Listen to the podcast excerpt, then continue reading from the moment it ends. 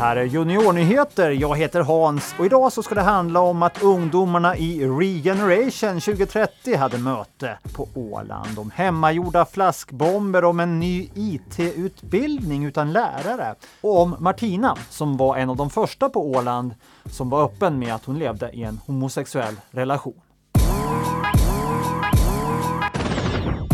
Ja, I veckan kunde vi höra om en ny IT-utbildning som ska starta upp på Åland. Gillar du datorer och programmering och tycker du att en skola utan lärare låter ganska härligt? Ja, då kan det här vara någonting för dig. Men du behöver ha fyllt 18 år. Ansökan öppnar vid årsskiftet och består av ett två timmar långt online-test i logiskt tänkande.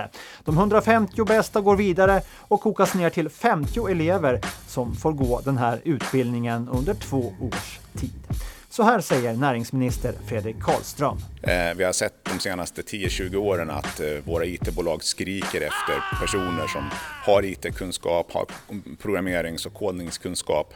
Men vi har inte fått ut tillräckligt många ur, ur våra högskolor och universitet. Och det här är då ett helt annat sätt att göra eh, så att säga, utbildningen på. Eh, det är de här digitala talangerna som plockas ut och förhoppningsvis att vi har en 2-3 tusen som söker och, och, så går den igenom en, en tratt så att säga och, och kommer sen hit och är fysiskt på plats här i Pafs lokaler under, under nästan två år eh, och jobbar tillsammans då 50 personer för att lösa problem och olika eh, projektbaserade eh, lösningar som man ska göra. Jag tycker att den är, är, spännande och intressant. Dels att det finns ett väldigt stort behov men det här är ju också ett helt nytt sätt att tänka utbildning. Det sker inte i ett eh, klassrum, det är inte lika eh, lärarstöd utan här handlar det om eh, den studerandes egen kreativitet och samarbetsmöjligheter mm. och, och, och, just att, att man söker en annan form av, av tänk. Mm. Så jag tycker att den är väldigt intressant och att den sker liksom på, en, på en arbetsplats. Det sa utbildningsminister Annika Hambrud. I veckan kunde vi också höra att den åländska polisen utreder fem fall där ungdomar detonerat så kallade flaskbomber. Kommissarie Tommy Törnros ser allvarligt på de här händelserna som kan beskrivas som framkallande av fara eller i värsta fall sabotage. Det är böter eller fängelse upp till två år som följer på det om man skulle bli dömd till den delen att det handlar om att experimentera och se om saker och ting smäller. Så det är någonting som har varit av intresse för människan sedan urminnes tider men det har också alltid varit förenat med stora risker och de här riskerna vill jag inte på något vänster sticka under stol med och därför önskar jag väl kanske att var och en skulle ta en diskussion med sin ungdom som kanske inte nödvändigtvis är med och tillverkar men kanske vet vem som tillverkar eller kanske har varit och tittat på någon gång. Att faktiskt poängtera att det är riskfyllt att syssla med den här typen utav av verksamheter, den här typen utav, av eh, petflaskbomber. Man gör absolut klokast i att låta bli. Och vår stora förhoppning är att den här tendensen skulle sluta innan någon blir skadad. För att ingen mår bra utav frätskador eller annars skador på hörsel eller på något annat sätt utgående från de här smällarna eller tryckvågorna eller det frätande ämnet. Så till de som gör det så jag vet att det är spännande och jag har all förståelse till för att man kanske vill experimentera. Men vissa saker är helt klart bäst att låta bli att experimentera med då riskerna är för stora. Hereby we proclaim the Regeneration Week open. De som bestämmer här i världen låter ungdomar vara med bara för att det ska se bra ut. Ungefär så sammanfattar Baura Örk Mellstedt situationen. Hon är ordförande för ungdomsrörelsen Regeneration 2030 som hade sammankomst på Åland under den här veckan. Och temat var Rethinking the System och att man vill stärka ungdomar i att bli goda ledare som tar kloka, hållbara beslut i framtiden. It cannot go on forever. Uh, so we need to th rethink the system. And it is a big change, so we really need to think this. And uh, that is why we, we really want to make this event all about that how how we can make this huge transformation uh, in our society with our systems with our structures and economy. Baura Örk säger att de politiska makthavarna och beslutsfattarna inte lyssnar på ungdomen. No, not really. Um, it is very trendy now to want to involve youth in um, in discussions and in politics and in um, in places where decisions are being made, uh, and we like to call this youth washing, um, because they're including young people, but most often they're just including them so that they can say that they have a young person on their team.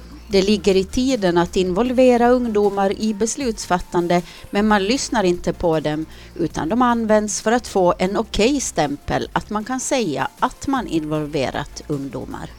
Man hoppas att de äldre generationerna skulle lyssna men det fungerar inte, säger Baura Örk Mellsted. Definitely not. That is why we are starting now. Uh, getting like empowering the young people to actually go in there and have the confidence and have the just just the nerve to to take the power um, because we have it we just need to claim it Åland är långt från att nå EUs mål om biologisk mångfald. Enligt EUs strategi så ska ett nationellt område bestå av 30% skyddad naturområde varav 10% ska vara strikt skyddat. Just nu har vi 2% skyddat landområde och strax över 3% skyddad vattenareal, säger Maja Häggblom som är naturvårdsintendent.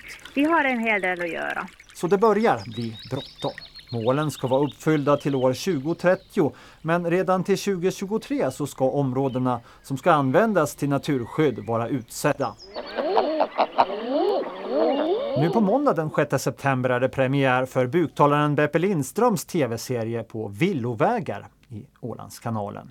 Beppe har gjort sig känd som buktalare och idén till serien kom från honom själv efter att han fick ställa in flera buktalaruppträdanden på grund av coronapandemin.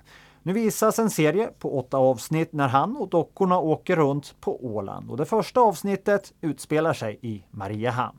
Eh, vi, eh, dockorna kommer att få visa runt på olika ställen som är, som är kändare. Vi kommer, man kommer få besöka eh, Pommern till exempel och få, upp, få höra om historien och, och över den och så. Och vi kommer att få Eh, ta en titt på landskapsregeringen och på eh, fotbollsplanen där vid IFK och och även ta del av eh, tro, trolleri och, en, och sådana saker.